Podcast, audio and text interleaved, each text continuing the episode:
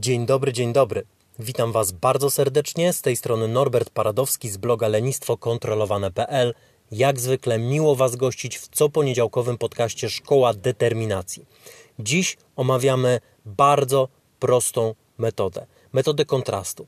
I ma ona jedno główne zastosowanie. Dzięki tej metodzie będziesz w stanie szybko pokonać swoje lenistwo, tudzież prokrastynację i przełączyć się w tryb produktywnego działania. Jeżeli zdarzają się sytuacje w Twoim życiu, w których to sytuacjach wiesz, że masz coś zrobić, wiesz, że jest to ważne, wiesz, że trzeba zacząć i zabrać się za to konkretne działanie, wiesz, co to jest, jednak nie potrafisz się za to zabrać, jednak robisz wszystko dookoła, tylko nie to, to dzisiejszy podcast będzie zdecydowanie dla Ciebie. Żeby lepiej zrozumieć temat, przytoczę absolutnie klasyczny i podstawowy przykład. Mamy do czynienia ze studentem. Ów student ma następujące zadanie: ma pisać pracę magisterską i na pewno za moment się za to zabierze, jeszcze tylko posprząta. Być może słuchając tego, przypominasz sobie, jak to było u ciebie na studiach. Kilka lat później, albo inna osoba, mamy do czynienia z pracownikiem. Pracownik ma robić ważne zadanie i zaraz to zadanie zacznie. Za chwileczkę jeszcze tylko oddzwoni do tego klienta, bo to jest bardzo ważne, żeby zadzwonić teraz do tego klienta. Chociaż tak naprawdę, gdybyśmy wgłębili się w priorytety tego pracownika, to ja bym wiedział, on by wiedział i ty byś wiedział, że zadzwonienie do tego klienta wcale nie powinno być teraz realizowane, teraz powinien być realizowany projekt. Co także przypomina mi pewną anegdotę. Rzecz dotyczyła faceta, który miał siadać i pisać pracę doktorską, i wtedy to, kiedy tylko miał coś takiego robić, potrafił rozłożyć pralkę i czyścić bęben owej pralki. To jest fascynujące, ale bardzo często taki schemat nas dotyczy. Jednocześnie zakładam sobie w tym wszystkim, że to czyszczenie bębna od pralki, mm, choć nie jest jakoś specjalnie interesującą czynnością, to w tym konkretnym kontekście było zdecydowanie bardziej atrakcyjne aniżeli pisanie pracy doktorskiej. I to są schematy, które tak naprawdę wszystkich nas dotyczą. Pewnie masz w swoim życiu takie sytuacje. Jednak pytanie dnia: czy zastanawiałeś się albo zastanawiałaś się właściwie dlaczego tak jest? Przecież sprzątanie wcale nie jest takie fantastyczne. Oddzwanianie do tego klienta też nie jest porywające, a czyszczenie bębna pralki już na pewno nie jest czynnością numer jeden. I doskonale wiemy, że ten sam student z wcześniejszego przykładu. Gdyby za główny cel miał postawione akurat sprzątanie, a nie pisanie pracy, sprzątanie, to pewnie stwierdziłby, że no tak, zaraz posprzątam, tylko jeszcze chwilę na telefonie, chwila, albo jeden odcinek serialu. I tak samo pracownik, gdyby jego głównym, aktualnym celem było nie robienie projektu, a zadzwonienie do klienta, to pewnie stwierdziłby, no tak, zadzwonię, tylko jeszcze najpierw zrobię coś tam. I bardzo często dzieje się tak, że mamy coś zaplanowanego i wiemy, że to jest nasz, nasz priorytet, i wiemy, że mamy to zrobić, i wiemy, że to jest ważne, jednak natychmiast, natychmiast, od razu wyświetla nam się inne zadanie, które choć w innych okolicznościach wcale nie byłoby tak atrakcyjne, albo fajne, albo porywające, albo ciekawe, albo nie wydawałoby nam się tak ważne, to to zadanie, które nam się wyświetliło, nagle jawi się jako coś, czym trzeba się zająć. Nagle staje się niesamowicie kuszące. Dlaczego tak jest? ponieważ mamy tutaj do czynienia z kontrastem. Po pierwsze, masz ważne, zaplanowane zadanie, które wiąże się z większym poziomem trudności, pewnego rodzaju nieprzyjemnością, wysiłkiem, kontra mniej ważne zadanie, które to wiąże się z mniejszym poziomem trudności, mniejszą nieprzyjemnością oraz mniejszym wysiłkiem. A nasz mózg dąży do przyjemności oraz unikania cierpienia. I jeżeli stawiasz sobie alternatywę, nawet nieświadomie, taką jak przed chwilą, ważne zadanie, duża trudność kontra mało ważne zadanie, mniejsza trudność, to Twój mózg nawet nie będzie się zastanawiał. Mózg jest maszyną, która ciągle porównuje, kalkuluje, ocenia i wybiera łatwość, wybiera przyjemność, albo przynajmniej wybiera brak cierpienia, a już na pewno wybiera drogę najmniejszego oporu. Rozumiesz już mniej więcej o co chodzi, więc teraz podajmy jeszcze jeden przykład. Wyobraź sobie, że masz przejść 10 kilometrów. I teraz pytanie do ciebie: jak oceniasz taki dystans? Czy to jest dużo, czy też mało? Ja na przykład regularnie robię dłuższe dystanse, więc dla mnie 10 km to nie jest za specjalny wyczyn. Podejrzewam, że dla wielu słuchaczy tego podcastu to też nie jest na zbyt duży wyczyn. Dla niektórych osób to może być już spory dystans, a może znajdą się osoby, dla których jest to dystans zupełnie nieosiągalny. I zupełnie nie chodzi tutaj o ocenianie, czy to jest dużo, czy to jest mało, albo że jesteś jakiś, bo potrafisz tyle przejść, albo jesteś jakiś inny, bo nie potrafisz tyle przejść, to by było trochę dziecinne moim zdaniem.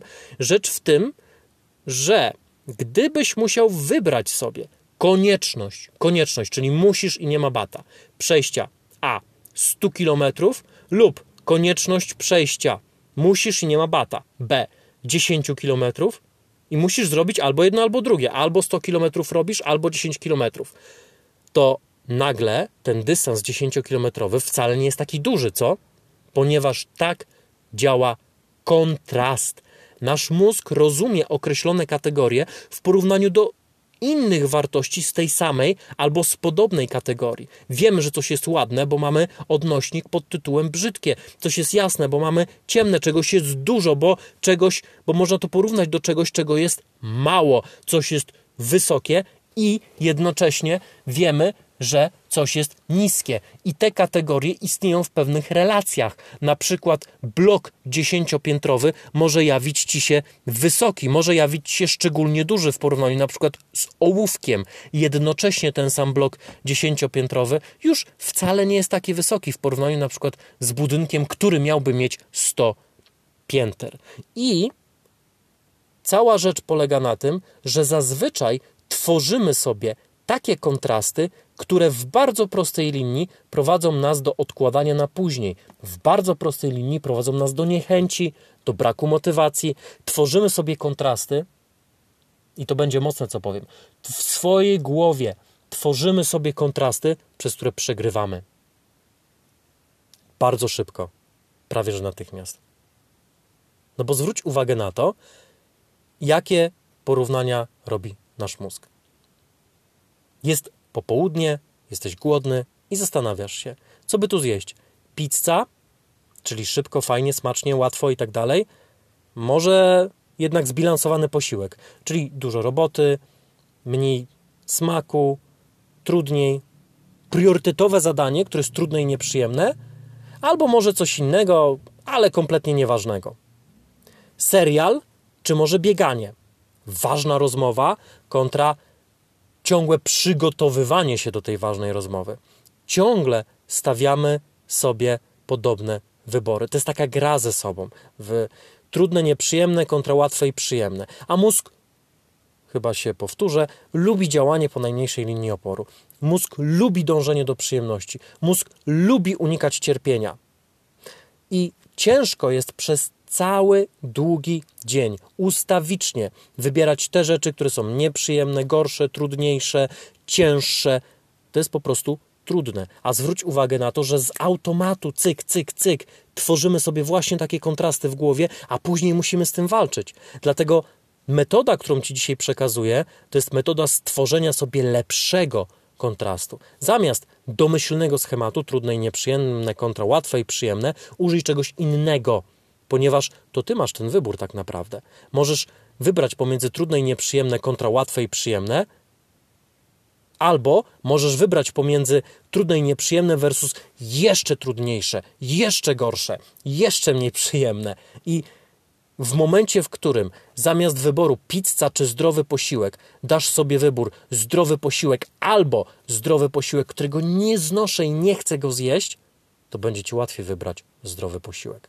Zamiast walczyć ze sobą, czy serial, czy może pójście na trening, dasz sobie opcję pod tytułem albo zrobię trening, może być lekki, może to być pół treningu albo jedna czwarta, ale albo zrobię trening, albo będę przez cały wieczór zmywał ręcznie naczynia, czego nie znoszę i będę sprzątał.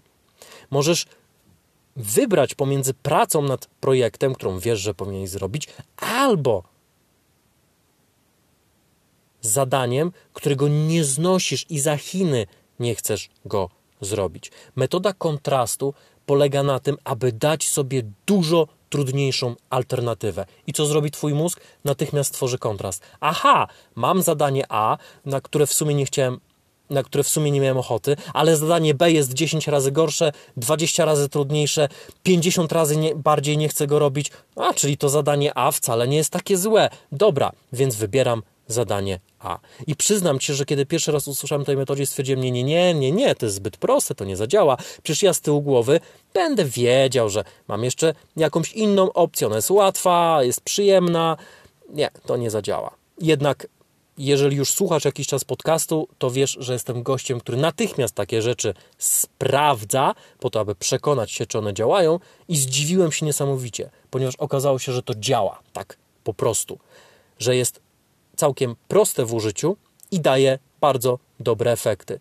Bo kiedy skupiam się tylko na dwóch opcjach, to trzecia pozostaje mglista, daleka, gdzieś znika za horyzontem, a to oznacza, że zaczynam wybierać tylko pomiędzy tymi dwiema rzeczami. Zasada jest prosta. Daj sobie nie łatwiejszą, nie przyjemniejszą alternatywę, ale dużo trudniejszą alternatywę.